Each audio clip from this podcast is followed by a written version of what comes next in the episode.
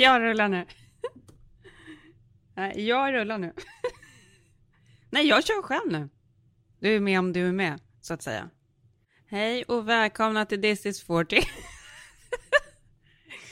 nu, här har vi Isabelle Monfrini. Jag har ju kört lite själv innan. Nej, hon är tydligen inte med ännu.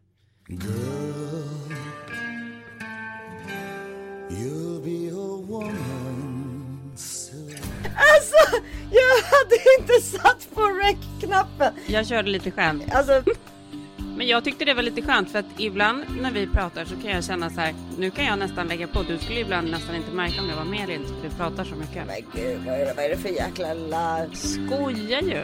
Det är ett skämt. Ja, men alltså. Nej, okej, det kan du inte ta. Hej och välkomna till This is Sporty. Ja, och det här är Isabelle Och det här är Karin Bastin. Nej men jag har, jag har ju blivit odräglig igen. Det är, det. Nej. det är liksom Nej, det är det inte. Det är all good. back to last summer igen. Nej då, det här är all good. Allt är jättebra. Men jag, jag har redan varnat dig, Ja. jag är ju lite av en häxa idag.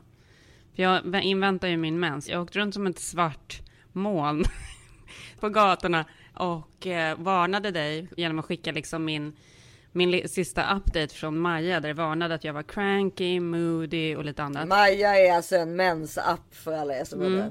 Ja, jag var cranky, moody och lite annat och då skickade du tillbaka. Ja, vänta, jag ska se vad du skrev. Ja, men det var en bra reminder. Ja men alltså hallå. Tydligen så var jag i alla fall inte snäll nu när jag kom hem. Nej, nej, men När det- du skrev så här, mys, vad glad att du har mens, jag lever, utropstecken, tack, utropstecken. Ja. Nej, du säger fel. Du har dina ord, alltså din, din sån här expression på fel ord. Var glad att du har mens. Och sen Mm. är det, jag lever, tack, som Oprah. Jag lever, tack. Jo, och då precis när du skickade det, då kände jag så här, ja vad fan, nu får jag sluta. Men sen i samma ögonblick som jag skrev yes, yes, yes, så blev jag sur igen. Ja fast alltså jag hade tänkt att göra en skratt-emoji sam, i samma. Alltså att, Ja. så, alltså jag har inte blivit Oprah tyvärr. Men Jo, alltså men det att tycker jag du har. Du har haft jävligt positiv attityd eh, de sista veckorna. Men tror vi på riktigt att Oprah egentligen har en positiv attityd? Ja, det tror jag. Nej, jag är inte så säker på det om jag ska vara ärlig. Hon har blivit psykiskt misshandlad som barn, både sexuellt och så vidare. Hon gör ju sig till. Hon är ju som alla andra 40-talister. Alltså som, som låtsas Jo. som att det är bra. Låt bara göra så sjukt mycket som möjligt hela tiden. Så ser Mm. man till att man mår bra. Jag är inte så säker på att Oprah mår speciellt bra. Jo, men du får ju också tänka så här.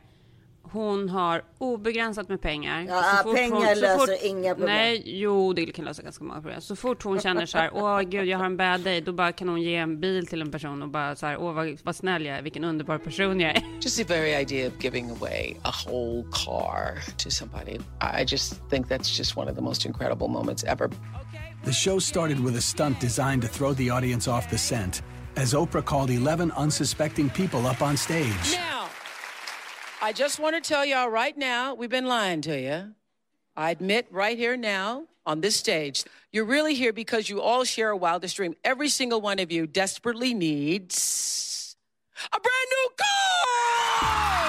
Pull it in. The audience thinks it's over, but Oprah's just getting started. Now, here's the deal. Listen carefully. Inside one of these boxes is a key. Do not open it yet. If your box has a key, you will be the last person today to get one of those cute little G6s. All right, open your boxes. Open your boxes. One, two, three. You get a car! Det kan vi ju sätta in den. Det är en rolig Oprah. You get a car and you get a car and you get a car. Everybody gets a car! The reason why I was screaming the words is because other people were screaming so loudly. I thought they didn't understand or wouldn't understand what had just happened and what I was saying. Ja, men det är ju enkelt för henne, det är enkelt för henne att liksom kasta rosor på sig själv, att få så här, åh gud vilken duktig bra person jag är, för hon har ju förmåga, eller hon har ju liksom möjligheten att förändra människors liv precis ja. hela tiden. Hon kan ju känna sig som en otroligt god människa.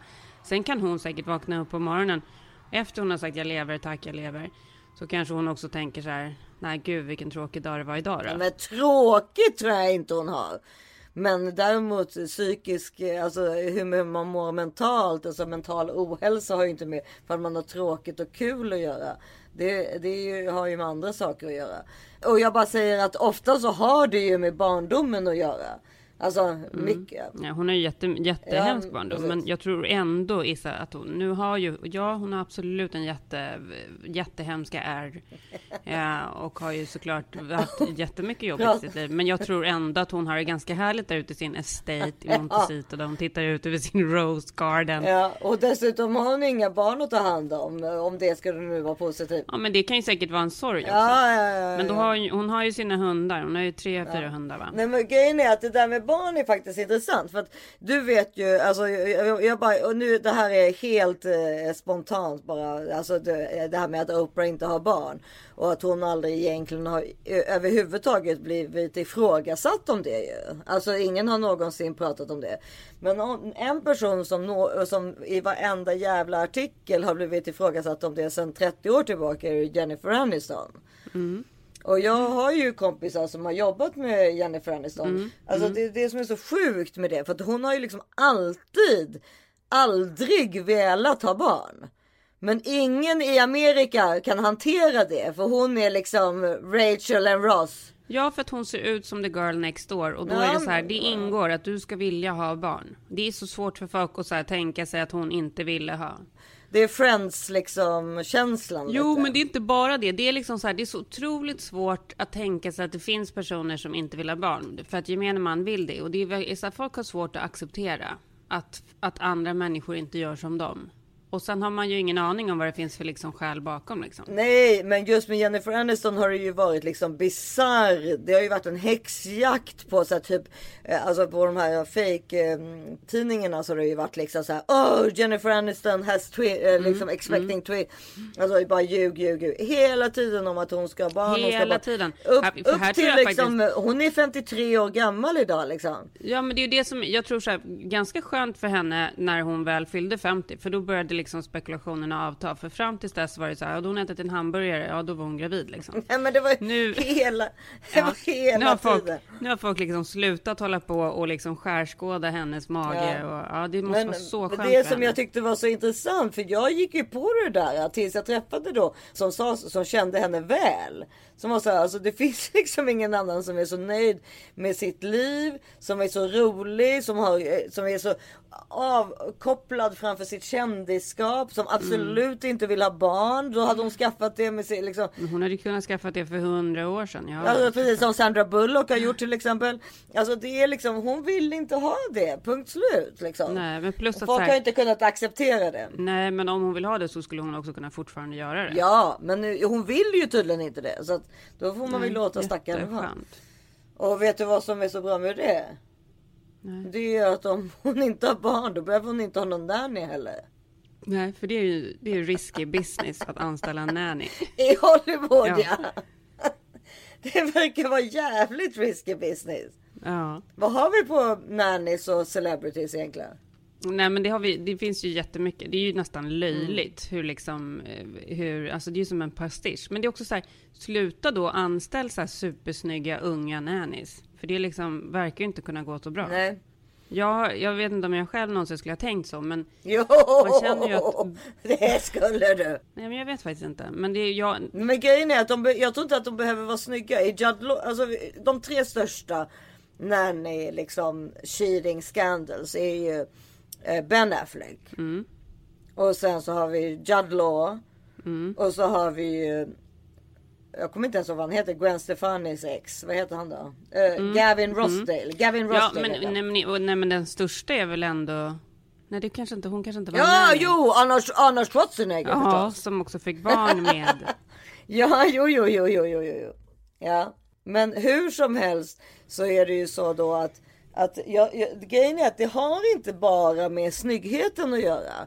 Utan jag tror att det har väldigt mycket med att de männen ser det där moderliga. Ja, det är caretaking. För de letar ju alltid på något sätt efter någon mamma liksom. Ja, precis. Det är just det när två människor är superkända. Mm. För i alla de här fallen pratar vi ju om att kvinnan är också känd. Mm. För sen finns det ju andra män som har blivit tillsammans med nannies. Eh, Tiger Woods som blev tillsammans med eh, Elin som var... Elin Nordegren, ja precis. Och det är Matt Damon också som blev tillsammans. Den tjejen var väl också nanny? Nej, hon, är, hon var servitris. Men, Ah, jag men hon var hon var servitris på en restaurang där Matt Damon var. Ja, okej. Alltså jag tror mer att det har, för i i Judd Laws fall till exempel. Han hade ju, är det fyra eller fem barn med en kvinna som heter Sadie Frost. Mm. Exakt. Och sen eh, var han ju otrogen mot Sadie Frost med Sienna Miller. Mm, precis. Och sen när han då var och hämtade barnen varannan vecka och vad de nu hade sig så började han ligga med Nanny. Mm. Vänta ett tag. Vi har Ethan Hawke och Uma Thurman också. Ja just det, men det var så länge sedan. Det kan ju knappt Ja, någon fast- komma ihåg. Men, fast det är ju ändå så Och Ethan Hawke gifte sig väl med sin Ja, Nanny? precis. Och Mm. de fick väl också barn med? Ja men precis. Nej vi, vad, vad, vad, sa, vad, vad sa vi där? Vilka var vi på? Vi var på... Jo nej, Judd Law och Ja, Sienna Miller. det. Mm. Alltså det var inte ens hennes barns nanny. Nej, precis. Utan det var ju det, var ju det som var konstigt. Att det blev liksom så här, det blev ju nästan så här dubbelt på dubbelt Mm, på något sätt. Var Sienna Miller och var typ världens liksom hetaste kvinna. Ja, hon var så sjukt läcker alltså. Fortfarande. Ja.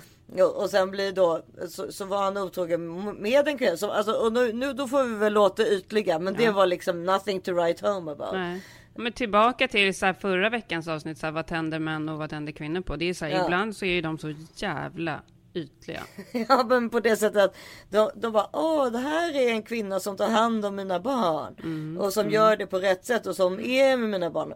Uh, och som är, har slutat arbeta. Mm. I, alltså i ganska kändisars fall då att mamman kanske är på någon filminspelning. Då blir liksom den där nanny, Mm. Jag tycker, liksom. jag tycker det är så jävla sjukt. Jag känner så att ju äldre jag blir, desto svårare har jag att förstå själva scenariot. Hur den där mannen kan liksom bara släppa alla hämningar och göra det. Men för så här, han sviker ju också barnen. För det är också så jävla orättvist och taskigt. Ja. Att liksom vara otrogen mot mamman med barnens barnpassare. Alltså det är liksom...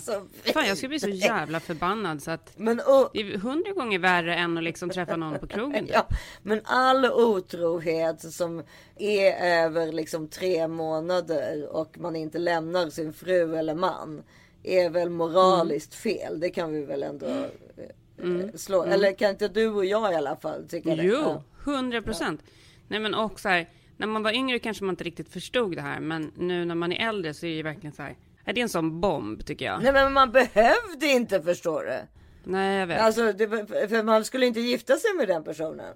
Men när, när man väl har gjort ett sånt commitment så får, det är klart, det har vi pratat om innan, att det är klart att otrohet kan Alltså kanske nästan måste finnas i en liten stund om man har blivit förälskad i en annan person. För att se ifall det är värt, alltså eller ifall är, är jag verkligen riktigt kär i den här människan så jag ska splittra min familj nu. Det är ju det som är så att otrohet kan, alltså det kan man ju se existerar. Men, men sen när man gör det precis som du säger, det är ju faktiskt en jävligt bra poäng ju. Att det är ju helt sinnessjukt Ja, att det- också alltså, förstöra. Männen, det, männen är liksom, jag tycker det är så här, mannen är så jävla känslokall gentemot barnen och frun. Och det är så typiskt så här själviska beteendet. Mm. Men i det här fallet med eh, Gwen Stefani och Gavin Rossdale, det var ju också, det uppdagades ju på så himla hemskt Ja, hur de var det? Ju, de, hade, nej, men de hade ju två eller tre nannies tror jag. Eh, och så var det väl någon av dem som hade jobbat längst för dem som upptäcker på en av barnens iPads den här konversationen då som han, Gavin har haft med den andra nannyn och det är liksom så här värsta snuskmeddelandena för då var tydligen hans Ja, också så jävla klantig kille. Hade han kopplat sin Ja men så är det ju. nummer, Ja, sitt ja. nummer till barnens iPad. Så hela så här message-konversationen låg där. Ja, ja, gud, det, så, det har jag haft. En parentes på det måste jag bara säga att det har jag ju haft med Philips eh, telefon. Alltså, Ja. han märkte det tyvärr. Ja, du, på kvällen så, så här, kokar du lite te, sätter dig med iPaden och går igenom konversationen för det är ändå skönt att veta vad de har för sig. Dagens text kunde jag hitta på Augis iPad liksom. Ja. Ja men så här, det är det är ju alltså så här, jag är ju sjukt osvartsjuk. Ja, men jag skulle ändå, också. om, om, he, om hela liksom textlinjen låg där. Ändå är ändå kul. kul, för man har ändå ingenting för sig som att läsa på så här schampoflaskan när man är i badrummet. Lika gärna kan man väl kolla på liksom Ja. eh, textmeddelanden vad han har gjort men under plus att dagen. man tänker så här, man småskrattar lite så här, han är ändå kul. Är Men för att han gör ju kul. sig Ja, till kul. mer med någon annan så att säga. Ja, jag vet. Alltså typ eh, kul. någon som han jobbar med. Ja, för det är ju en annan person i texterna till olika personer. Ja. Ja men exakt, så, så plötsligt blir man lite nykär när man har det där. Men Ja, däremot så skulle inte. jag aldrig gå in, eller inte. Men jag skulle aldrig gå in i hans telefon, precis som jag har, det har vi ju pratat om, integriteten. Nej, aldrig någonsin. Nej. Men här är ju som att liksom så här, om man gör det i barnens iPad, då är det så här, då är det Nej tillåtet. men det är ett öppet mål, I'm sorry. Men så i alla fall den där Nannyn berättade i alla fall det för Gwen och eh, det var ju också sånt jävla svek på något sätt. För att Ja. hon var ju ändå liksom den stora inkomstkällan, den stora, nu, jag vet, vi vet ju såklart inte allt om deras relation, men ändå så här. Hon födde barn och hon liksom gjorde värsta karriären, hon drog in så sjukt mycket pengar Det är väl till dem. klart, han tjänade ju inte en jävla spänn. stjärna. Han hade inget Nej. jobb. Hon var en sån superstjärna. Och man vet ju också så här hur tufft och jobbigt det är med alla graviditeter och föda upp de här barnen. Sen ska hon ut på turné. Alltså fan vad hon liksom kämpade. Och 13 år var de gifta och sen får hon det här i ansiktet. För den där relationen hade ju ändå pågått i tre år. Tre år! Ja, nanny-relationen hade pågått i tre år. Så det var ju liksom värsta, alltså ett sånt jävla vidrigt svek. Men jag måste nu i efterhand säga att gud vad bra ändå. För att nu är ju hon och Blake Shelton så otroligt kära känns det som. Det känns ju som en så här Ja. match made in heaven. Ja men det är så, ja, men det är så kul för det, han, så, de är ju så jävla gulliga så man, har, man vill ju liksom, alltså man, man spritter ju i Ja, kroppen när man ser dem. Och de är så jävla omaka. En liksom kan, Blake Shelton, alltså jag tror, vet inte ens fall, vissa svenskar kanske inte ens vet vem han är. Men han är ju verkligen USAs största stjärna egentligen. Ja. Charmig som fasiken såhär, countrystjärna. Fast han är ju inte bara det. Han har ju allt. Ja, nej, liksom. men och sen så har han ju gjort, eh, vilken utav, är det Idol? Nej, inte Idol, vad heter den andra? Här med stolarna. The Voice. När man Ja, The sätter- Voice. The Voice ja. Mm. Judgen, en utav Jurymedlemmarna. Ja, Jurymedlemmarna. Nej men han verkar så jävla så här gosig, härlig björn och han bara, alltså man ser ju när han tittar på, på Gwen, han är ju så här, han förstår knappt att han liksom har fått henne. Han är så kär i henne så att det är helt otroligt. Och det är det som jag är lite rädd för Karin. För det är det enda att han har någonting lite Anders Borgs över sig. Kan han ha varit tönten i klassen? Eh, men ändå, alltså det vi pratade om förra veckan, att han kan också när han plötsligt ser, för att precis som du säger att den här liksom, alltså hon spelar ju på sin pinuppiga liksom eh, stil, Absolut. på sin liksom, alltså hon, eller hon kan spela på en rockig stil också. Jag, jag har ju sett henne live. Har du varit på konsert med Nej, på- inte med henne. Jag har inte sett henne. Nej, jag har varit på henne en gång. Alltså hon har hon har ju liksom lite alla möjliga stilar på något sätt. henne. Hon är ju ganska, ja hon, jag älskar henne också. Så jävla snygg och Så kul att kolla på för hon är så jävla ja. snygg. Intressant, intressant. Men det oroar mig lite för att han är så jäkla liksom boy next door person. Och det vill säga kanske kan han ha varit tönten i klassen. I det här fallet så tror jag inte det spelar någon roll för att jag tror så här, han dyrkar henne, han har inga egna barn. Han har liksom fått så här hela jävla guldgruvan med henne. Ja, underbar. Och han själv har också guldgruvan. Så att det är så här, jag tror att det är en otroligt härlig relation. Och hon slipper så här, någon jävla tönt som liksom ska hålla på och ligga med nannyn. Det skulle ju liksom aldrig Blake göra. Nej men för jag känner också det med Blake att även om han var nörden så kunde han ändå sjunga och spela gitarr. Mm, exakt. Och då är man Ja, liksom och han gör det inte dåligt. Vi ska avsluta det här eh, avsnittet med deras jullåt som jag bara är helt besatt av. You make me feel like it's Christmas heter den va? Ja, det? någonting You, you make it Ja, feel jag like Christmas. inte. Alltså den är, och den videon kan jag verkligen rekommendera er att titta för den är så jävla gullig när de liksom håller på att titta på varandra och är så glada. Och... Åh.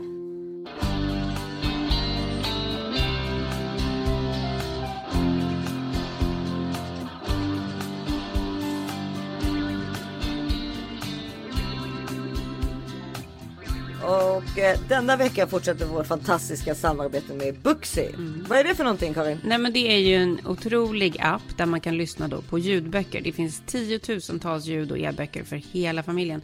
Ja, men nu har vi pratat lite om filmer man vill se under julhelgerna men det är också väldigt mycket tid för att läsa. Och då tycker jag, jag som gillar att vara ute och promenera och åker mycket bil nu när jag ska åka upp till stugan och sånt. Så är det ju liksom helt perfekt för mig att använda ljudboksapp. Och inte bara för mig utan för barnen också. För de har ju lite, liksom det är ju den här generationen där de kanske inte är så vana med att läsa så mycket och det är lite lättare att motivera dem att läsa genom en ljudboksapp tycker jag. Plus att det som är unikt med den här appen, Booksy, som jag verkligen gillar, det är att de motiverar också till läsning genom att man får poäng för all sin läsning och man får utmaningar i appen som liksom främjar det här läsandet. Och barnen kan växla ut sina poäng till roliga belöningar i appen som en extra morot. Jag tycker det är så himla viktigt, för det känns som att det är så här, jag har pratat om det förut, att ibland känns det som att de går miste om ganska mycket för att de är moderna såklart och håller på och kollar i sina telefoner och sociala medier och hej och hå. Men det känns som de missar den där läsningen som vi spenderade så mycket tid med när vi var små. Mm, fast jag tror just att alltså, två av mina barn lyssnar jättemycket på äh, ljudböcker. Det är ju liksom, de nya tiderna är ju så att det är så de får läsa. Ja. Och jag tycker det är superpositivt. De, du behöver inte sitta där och kämpa med att läsa i en pappersbok liksom. Ja men det blir ju ett sätt, alltså ibland kan ju boken bli att man liksom ändå har tänt och man har kanske, alltså det blir ett annat sätt att varva ner på att ja. lyssna på en ljudbok precis innan man ska sova och sådär. Ja, Ja men så, min, mina barn gör ju det och framförallt Cesar ligger alltid mm. så under täcket Precis. och myser med en ljudbok. Ja, det är så himla gulligt. Ja. Och också. Det är så lustigt. Ja, men också så för... Det gör ju min Oggi också. Och Oggi och Cesar mm. är ju mm. bästisar. Så det är ju så ja, typiskt att de gör samma sak. Det är så gulligt. Och jag hör honom ligga så skratta om det är något roligt liksom. Det är ja men precis. Gulligt. Men det är också perfekt för dem. För det är ju det är mycket bilande, åka runt i släkter och grejer på julen och man åker kanske på en resa eller någonting. Då är det ju också perfekt för dem med en ljudbok istället för att läsa en bok. Jag älskar det. Istället för att höra sina föräldrar bråka i framsätet. Istället för att höra sina föräldrar bråka, precis. det är det. Man kan välja mellan tre olika prenumerationsalternativ. Mm. 139, 169 eller 199 mm. kronor beroende på vad som passar er familj bäst. Men alla får testa appen gratis eh, och det är ingen... Utan bindningstid. Ja, det är helt otroligt. Och du har ju också ett fantastiskt lanseringserbjudande till våra lyssnare. Det älskar vi. Mm. Man tar del av det här fantastiska erbjudandet på booksy.se. Alltså b-o-k-s-y.se. Och då använder man koden this is 40, this is 40 med små bokstäver när man registrerar sig. Och då får man ett par trådlösa hörlurar som gåva. Hur bra? Hörlurarna är värda 349 kronor. Observera att det här gäller så länge lagret räcker och när du har betalat för din första månad så får du de här hörlurarna hemskickade. Alltså gör det här, det är ju skitmysigt. Vi ska också säga att det kan också vara mysigt att åka i bilen och hela familjen lyssnar på en och samma om man kan lyckas ena. Det är kul att liksom ha en berättelse som man kan följa allihopa. Så gå in på buxy.se och lär dig mer och ladda ner appen och börja lyssna och läsa mera. Underbart.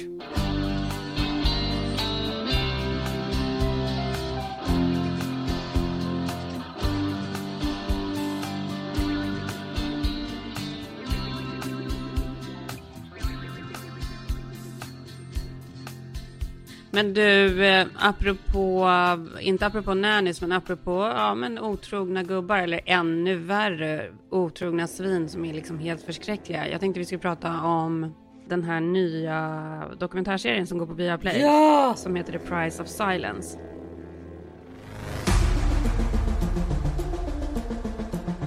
Jag vaknar tidigt av att jag får ett sms om att jag måste läsa DN. Det här är eh, mitt i metoo-tider.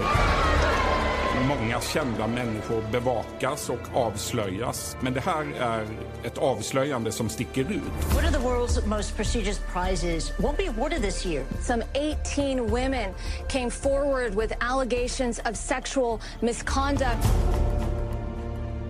Jag har ju varit tyst om det här i över 20 år. Det var som en chock. Det finns andra som har upplevt samma sak. Jag hade inte börjat arbeta med mina kopplingar till de här minnena eller traumorna eh, än. Han kunde bli sexuellt våldsam utan att vi kommit överens. Han kontrollerade vad jag gjorde. Ta stryptag och mig till Jag sa rör mig som jag upplevde att han hade varit en våldtäkt. och tryckte ner sin kuk så han fick en kick. Ja, The Price of Silence. Så jävla bra namn också, för det är så ja. spännande. För att det är ju våran kompis, min bästis Martina, som har gjort den. Ja, det är inte bara våran kompis, precis. Det är din absolut bästa kompis ju. Vi skulle ju kunna klippa in gamla klipp om uh, hur Jean-Claude Arnault, som det faktiskt egentligen handlar om, ju också mm. flörtade och uh, alltså har raggat på mig och mina kompisar. För att jag kan liksom komma ihåg hans lukt. Förstår du vad äckligt? Nej fy fan vad äckligt. Nej men för det första luktade han ju alltid läder. För han hade ju alltid en läderkavaj på sig. Mm. Men sen luktade han också surt. För han, det är det jag kan minnas. Att det, han har ju såklart tafsat på en. Alltså han är så äcklig. Alltså det har han gjort. The Price of Silence är i alla fall en dokumentärserie som handlar då om hur eh, själva akademin faktiskt kände till liksom, det här beteendet och typ bara liksom lät det fortgå. Och hur han kunde utnyttja massa kvinnor under liksom väldigt, väldigt många år. Så jävla äckliga historier. Så jag, alltså jag satt igår och bara var helt mållös. Nej men alltså den är så bra. Jag tänkte att vi ska ringa upp Martina så att hon... Jag tänker att vi ska ringa upp och så får hon berätta lite om den och så ska vi lägga in lite klipp.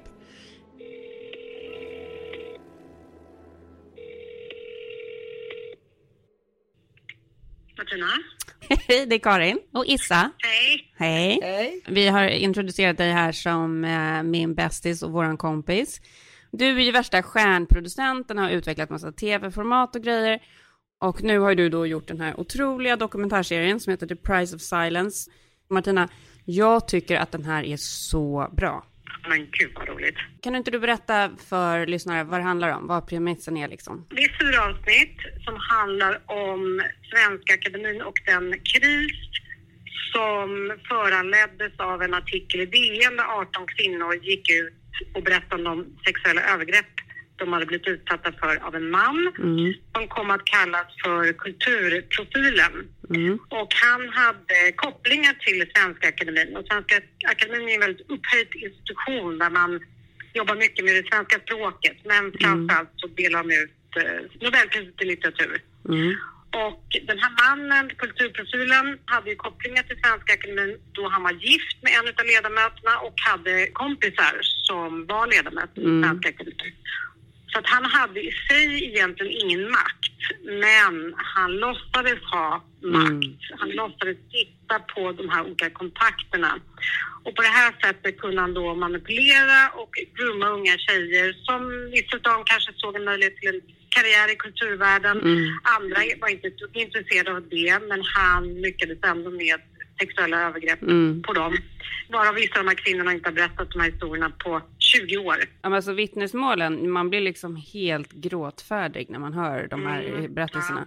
Och samtidigt vill inte de vara några offer. Så Nej. jag tror inte de vill att man ska bli lättare när man hör deras historia. Utan de känner sig som starka, modiga kvinnor som har varit med om något hemskt. Men de har gått vidare, många av dem, inte Mm. alla. En del är fortfarande någon känsla av att, gud, jag, är det verkligen sexuella övergrepp? Då är ju ändå mitt fel på något sätt där, Mm. känner de. Och det är därför det så viktigt att berätta de här historierna, så att skulden och skammen hamnar på förövarna och inte Exakt. på de som har blivit utsatta. Exakt, för det är det som är, för det är, det som är meningen med alltihopa, att liksom få upp metoo till ytan igen. Och... Ja. Precis, men också att påminna vad var det som egentligen hände. Den här artikeln som Matilda Gustafsson skrev i DN var ju fantastisk och var ju startskottet på den här katastrofen och haveriet som skedde sen i Svenska Akademin. Mm. Men det här kan ju hända var som helst, på vilken arbetsplats som helst, Mm. inom vilken fritidsaktivitet som helst. Att unga människor blir utsatta för sexuella övergrepp och sen inte kan prata om det för att Mm. det råder en tystnadskultur. Alla vet, alla ser, alla hör, men ingen gör någonting. Så var det i fallet här med Svenska Akademin. Men att Det varför- var många som visste. Varför, för, att, för att det var ju, de visste ju vad som pågick, de här gubbarna. Mm. Varför, var, varför gjordes ingenting liksom? Varför var det ingen som sa något? Dels är det ju lite tidens tand också eftersom det här utspelas under så många decennier. Det finns ju överlevare, eller kvinnor som har överlevt den här kulturprofilen för liksom 20-30 år sedan. Och på den tiden så pratade man inte om, om de här sakerna överhuvudtaget. Och sen så var det väl lite, ja men lite tafs. Det är väl inget farligt heller. Det är väl Mm. ingenting att snacka om. Och Mm. många av de här kvinnorna har inte vågat berätta för någon. Det är ingen som har sagt någonting. Så att de värsta övergreppen är det ingen som vet om. Utan det alla har sett är ju ett olämpligt beteende. Mm. Tafs och, ja, och så.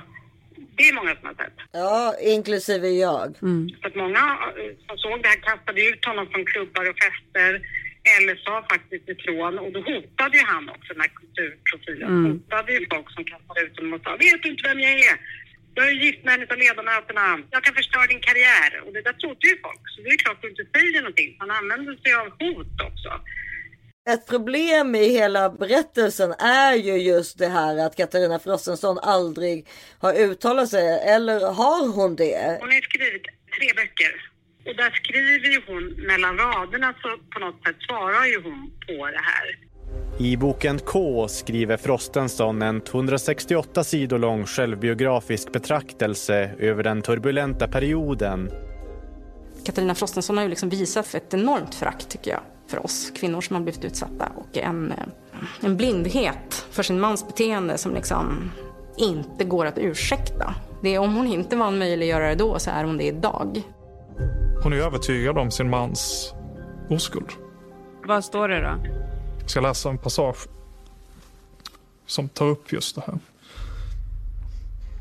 Dagens Nyheter har satt ihop en historia som ges ut den 21 november. Man har sökt och samlat in personer och gör sig till språkrör för vad som framställs som vittnesmål. 18. Samma antal som Svenska Akademins ledamöter. D. Aderton luftar sin klagan om oförrätter och övergrepp av olika slag. Här får de framträda anonymt med groteska överdrifter, lögner och förtal. Vad är det för saga? För drama? Det är en kabal. Det är ränker. Och kvinnorna vill kalla sig furier, hämndgudinnor. Men flertalet är megärer, de avundsamma. Då är ju hon jätteobehaglig. Ja, hon lever och det är där det spekuleras hej vilt om hennes roll i det här. Mm. Och eh, en del som är med i dokumentärserien säger väl att hon är kanske medberoende. Mm. Andra, andra teorier. Och många tycker att hon är en stor del av tystnadskulturen också. För hon Mm. måste ju ha vetat om det här, säger en del då. Men mycket rykten och spekulationer, man vet inte. Man vet inte egentligen alls. Och böckerna får väl vissa svar, men absolut inte alla. Så jag tror att det är många som är nyfikna på henne, verkligen. Men det känns ju också som att det är liksom, det är ju väldigt många i akademin som är en del utav det här, är det inte det? Alltså om man nu tycker att hon är en del utav det så är det ju de andra också det, eftersom ingen har sagt någonting. Nej, men du- dels gick ju Sara Danius ut Mm. i en presskonferens och berättar efter ett möte hon har haft, hon var ju ständig sekreterare då, Mm.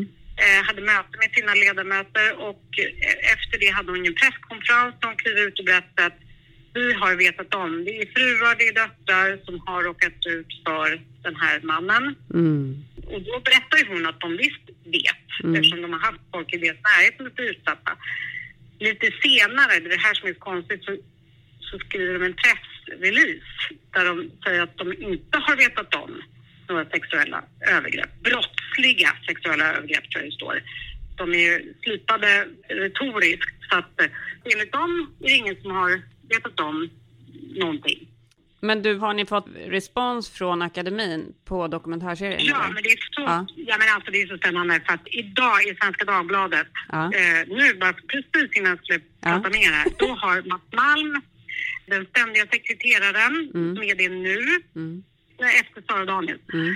Nu har han gått ut och sagt, det här är så, jag, vet inte jag tog upp det här nu bara för att jag skulle Mm. vara beredd, för det här är spännande. För det eh, som vi kan, eller jag kan gå ut med är att vi hade bokat upp sju stycken av ledamöterna till intervjuer. Mm.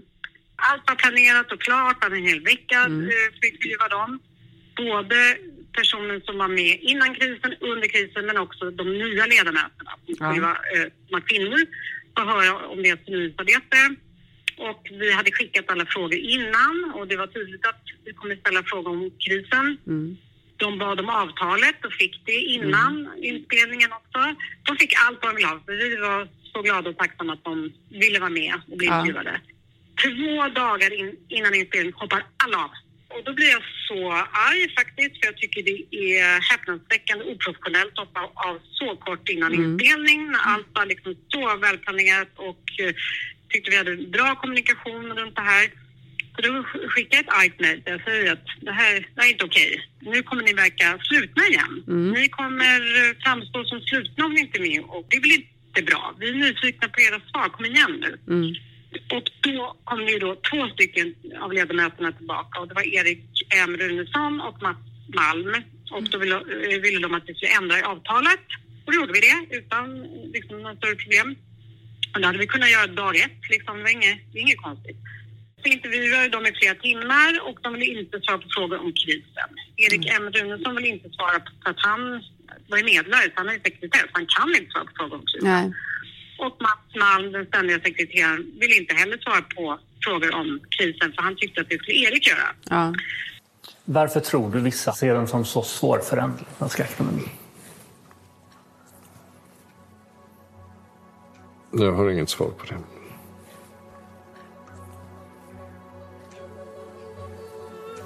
Eh, vad har man konkret lärt sig i akademin av det här? Det är inget svar på det.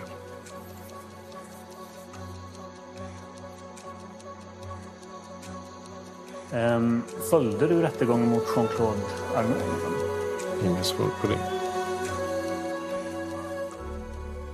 Nu kom det då eh, ett svar här faktiskt i Svenska Dagbladet precis nu. Mm. Mats Malm, Viaplay-serien ger en skev bild. Mm. Och sen har han skrivit här en text eh, där han ger sin syn på saken. eh, För att han har fått kritik då. Svenska ekonomin har fått kritik att de inte svarade på frågor av vissa journalister. Mm. Och då så tycker jag att vi intervjuades jättelänge men de har bara tagit med frågor när vi svarar vi vet inte. Det finns så många mer, fler svar liksom, bla bla mass- massor om det där. Och grejen är oavsett vad, ja vi har klippt bort jättemycket material, det har vi gjort med alla vi intervjuat. Vi försöker ju liksom ställa så mycket frågor som möjligt så att vi får ett helhetsgrepp om den här personens Mm. historia. Så att vi kan sammanfatta det sen i svaren på ett bra sätt. Och du klipper ju alltid i tv-program. Ja, men det det ju. Annars skulle vi ha, annars skulle vi ha 10, 100 timmars Ja, ja. material till denna Absolut. dokumentärserie. Absolut. Oavsett vad, så svarade inte på frågan om krisen. Det spelar ingen roll vad han säger här. Men de, för att krisen kvarstår ju hos dem, för de måste ju försöka typ återupprätta sitt eh, anseende och det här har ju såklart inte gjort saker och ting bättre för dem. Men det är väl liksom så här, alltså det är en sån gammal gubbig tillställning. Det är svårt att liksom ha en sån grej i dagens samhälle. Ja, men många tycker ju då, jag kan bara, jag ska säga en grej till om artikeln han har skrivit Mm. här. Och så så här. Det erbjöd även intervjuer med Åsa Wikfors och Ingrid Carlberg, vilket är två ledamöter som kom in efter krisen då, Mm. för att bredda perspektivet. Men bolaget var inte intresserat av att intervjua de kvinnliga ledamöterna. Jo, det var vi ju, men de hoppade ju av innan. Mm, exakt. Alltså Åsa Wikfors stod på vår lista och henne skulle vi intervjua. Hon var inbokad. Ingrid Carlberg tackade ja alldeles för kort in på inspelningen så då hann vi inte ens förbereda oss göra research på henne som vi gärna vill göra på de här Mm. personerna. Vi är seriösa liksom. Ja men gud, alltså det är så himla, himla otroligt i alla fall att du har gjort det här. Både Issa och jag tycker att den är liksom helt otrolig. Jag har läst lite så här trista kulturrecensioner som, eh, som inte riktigt verkar förstå. Eller inte vilja förstå. Som, de vill inte riktigt förstå, för att de liksom har en annan... Men det här är ju inte heller för kulturrecensenterna. Nej, exakt. Och alla får ha rätt att ha sin åsikt och Mm. tycka och tänka Mm. och de får recensera hur de vill. Självklart. Eh, Men en kommentar på det bara så är ju kulturfolk Ja, som recenserar det här. exakt. Och de, många kan jag se när jag läser recensionerna handlar om att de tycker att den är för kommersiell egentligen. Det är det de säger, för internationell. Men det här är Vilket ju är också ett jättebra betyg. det har varit jättefina kommentarer från dem man vill ska titta. Den vanliga, vanliga det är det enda som Det är det enda som De räknas. gör. Och det absolut viktigaste, topp ett, är att kvinnorna som är med och berättar om sina historier, att de är nöjda. Mm. De känner att de är med i ett bra sammanhang. Och där, De är eh, så jag modiga. De är så modiga Ja, och det är nummer, och det är nummer ett, att de kommer ut med sina berättelser. Puss och kram, vi rings sen. Puss, hej. Nej men hallå! Vänta, vänta, vänta, Issa ska säga en grej, vänta. Ja. Jag ska säga puss och kram till Martina och till Kristoffer. Puss, puss. Puss. Hej. Hej. Issa och Filip. Så är det. Var hon tvungen att säga då. Mm, jag vill verkligen rekommendera den här serien. Jag tycker den är, fan, jag tycker den är riktigt bra. Ja, The Price of Silence eh, på Viaplay.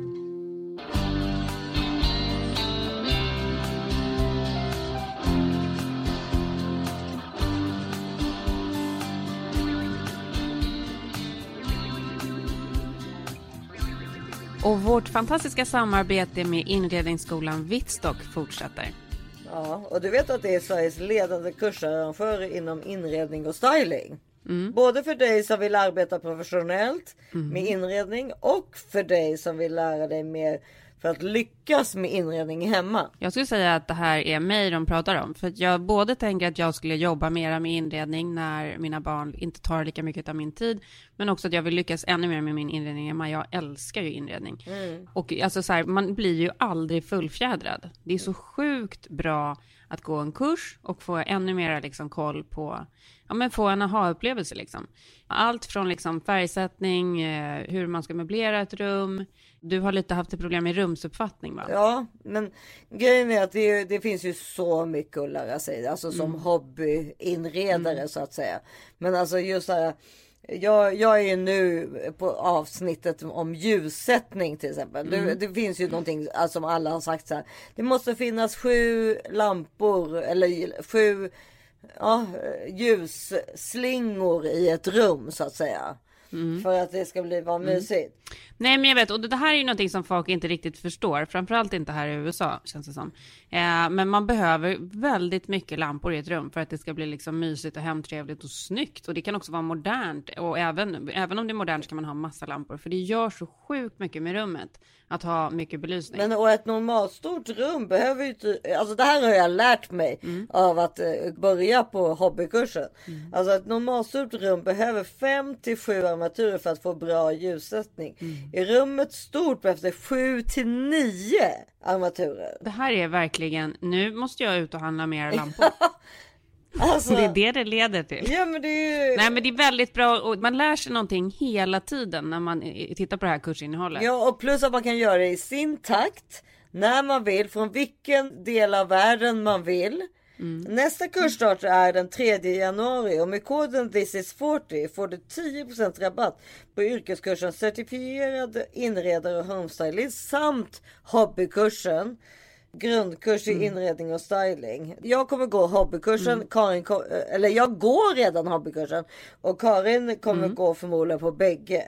Mm, absolut, det kommer jag absolut göra. Man går in på inredningsskolan vittstock.com. Inredningsskolan vittstock med w.com. Rabatten gäller till och med 31 december och antalet platser är begränsat. Så det är först till kvarn som gäller. Så gå in där nu och boka upp er och maxa allting med inredning. Ja, och så som det var för mig idag. Jag ville inte gå hemifrån för att jag tyckte att det var så mysigt i alla hörn. Det är ju det. Exakt, det är det man är ute efter. Det är det man är ute efter. Och det, ja, då hade jag lärt mig lite av ljussättning kvällen innan.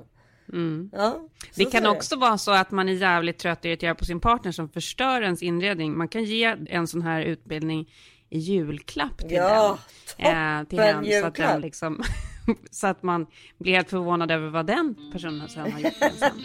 Gå in på inredningsskolan vittstock.com. God jul!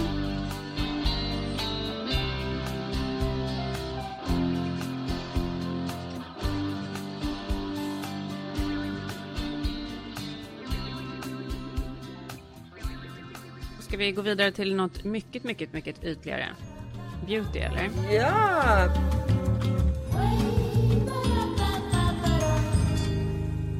Beauty tips! Ja, men jag, jag, jag har någonting idag. Jag har ju tipsat om Rodial förut. Eh, nu är Rodial tillbaka på banan. Nej, är Rodial tillbaka igen? Vad kul! Ja, men jag har börjat köpa väldigt mycket Rodial-grejer. Ja, men Jag- de är ju, så, de är ju väldigt snygga också. Alltså klassiska förpackningar. Ja, men och det är väl ganska bra priser. Det är inte jättebilligt, men det är liksom någon slags mellanläge. Eh, men jag har ju börjat använda väldigt mycket Rodial-grejer. Jag tycker liksom att allt jag köper från Rodial är jättebra. Väldigt bra kvalitet Mm. och saker som sitter väldigt bra. Jag tipsade om de här läppennorna för några veckor sedan. Eh, nu idag ska jag tipsa om ett väldigt snyggt puder. Som heter Rodial Instaglam Compact Deluxe. Åh, man vill Ja. alltid ha puder. Men det här är ett puder som inte gör att man ser torr ut, utan det är lite liksom glitter i det. Men det är fortfarande inte som en highlighter, men det är som liksom en blandning mellan en highlighter och ett puder och det blir inte kladdigt. Men man får liksom en ganska härlig frisör. Så det pudret vill jag verkligen då rekommendera. Och med det så använder jag deras sjukt snygga Rodial Toffee Matte som är den här lilla burken här. Eh, Pudret är den stora och så är den här lilla. Det är ett bronzing powder som jag kör som rouge. Så jag, det är som två olika nyanser i en. Så när du kör Ja, borsten i så mixas de tillsammans. Ja, de blir väldigt snygga och naturliga på kinden. Nej men för grejen är, jag vet inte vad, du vet ju vad mitt problem är när jag börjar dricka vin. Är att jag ofta får Precis som min mamma. Lite som så här, två röda femkronor. Men det, får, alltså, så här, det är jättevanligt bland skandinaviska människor. Du vet ju vad det är. Det har jag sagt till dig förut. Men jag är ju inte en skandinav. Nej, det är du ju inte. Jo, det är du. Du vill halvskandinaven då. Din Ja. ju det. Och det kommer Ja, henne. okej, då har jag fått det här av Ja, min mamma. det Jag har fått det här av min mamma. Vad är det det heter? Alltså det blir ju att blodkärlen öppnar upp. Det är inte Nej, men det är att blodkärlen öppnar upp väldigt mycket när man dricker alkohol och när det blir så kallt ute och massa grejer. Det är så Ja. att blodkärlen Och öppnas och då, stängs. när jag tar, då sitter jag och har det svintrevligt. Mm. Så tar jag ett glas vin. Och då känner jag ju att jag blir röd i ansiktet. Det hettar till. Det hettar till. Mm. Och då vet jag att jag har som två femkronor på, i ansiktet. Ja, du har du som då måste jag ju gå ner. Då måste jag direkt ner på toaletten Ja. och börja sminka, alltså börja sätta på Mm. ett, ett puder. För börja jag sätta liksom någon sorts så här foundation, alltså det går liksom Nej. inte. Utan jag måste ha ett puder som lugnar ner Ja, det. med. och så att puder Det älskar här är nog väldigt vanligt. Ja. Men så det tipsar vi om idag på beauty-sidan i alla fall. Jättebra Så älskling. bra. Men du, Mm. ska vi, ska vi tacka för oss och eh, alltså det är ju julafton snart. Nej men ja, god jul på er och nästa Men alltså gång. hur sjukt? Och att du Nej, och men- jag, för nu när vi spelar in så är det då veckan innan. Men när, när ni hör det här, då är vi nästan återförenade på våran En här- dag, en dag På Beverly innan. Hills på juldrink imorgon. Nej, jag, jag, Och jag åker ju på tisdag så jag kommer ju på tisdag. Det kan ju hända att du måste åka upp till Sunset Ja. Och ta ett glas champagne med Ja, mig. ja. Ja. Och sen senare då i veckan på fredag så är det julafton. Och då sitter vi alltså här tillsammans och liksom Mhm. äter god mat. Vi babblar och chitchattar och barnen Nej, vi kommer inte prata om någonting alls. Vi kommer inte prata om någonting Jo, men och jag är lite orolig för hur du ska packa för du vet att det är väldigt kallt Nej, här. men jag, ja men det spelar ingen roll. Jag ska, jag ska shoppa så. Jag ska shoppa som fan. Och så ska Ja, vi... du, du, du, gör så här som Henrik, du åker liksom Ja. traveling light med en liten handväska och sen köper du allt du Ja. behöver på Rodeo Drive när du kommer fram. Det är inte bara en person jag ska eh, flytta, äh, flytta för. En person jag ska packa för. Utan jag ska ju packa för alla barnen också. Mm. Kan de inte packa själva eller? Jo, alltså eh, Selma och Oggy kommer göra det. Men Greta och Gösta kan ju inte göra det. Jo, det är klart de kan. Kan de? Det är väl kul att se vad de har i Jo, jo, jo, alltså- Vet du att jag låter mina barn packa själva. Nu till Ellie, jag packar nästan aldrig till henne. Hon packar sin ryggsäck. När jag åker upp till stugan, det här är så kul att se vad hon har tagit med sig. För då Jo, är det jo, så här, för den- eftersom hon ändå aldrig, hon går ändå aldrig med på vad jag vill att hon ska på sig. Så jag har sant. liksom gett upp. Hon sant. packar sina konstiga kombinationer. Hon ser inte klok ut. Alltså herregud, de har så dåliga stilar så att Ja, det inte är klokt ut. Alltså, Men det är ju ingen idé att man själv packar då, för hon kommer ändå inte använda det. nej jag vet, Gretas klädstil det är, är beyond. Nej, alltså. det är inte Beyond Ellie. Ellie. Ellie är one step ahead. Jag har sett lite bilder Ja. som har gjort mig lite oroad Ja. på Ellies stil. Ja, nej, det är, det är ändå gulligt. gone mad. Det är ändå gulligt. Ja, men det är ju så här, och jag säger att jag har gett upp, men det har jag ju inte. Det är ju bråk varje dag, men det är ju fortfarande så här, det är helt jävla meningslöst att bråka om. För det är så här, bara vadå den här Ja. pompoangklänningen? ja, så är det. Så är, och, nej vet du vad det är? Det är vad det är. Det är vad det är och nu kör vi den här underbara låten med Blake och Gwen och så hoppas vi att vi har det lika mysigt som dem på jul. Ja, och vi hoppas att Blake inte blir Anders Borg och att Gwen fortfarande är pinuppa och sjukt härlig. Mm, och vi hoppas att våra män tittar på oss som Blake tittar på Gwen. Ja, exakt. Puss och kram, god jul, we love you. Hej då!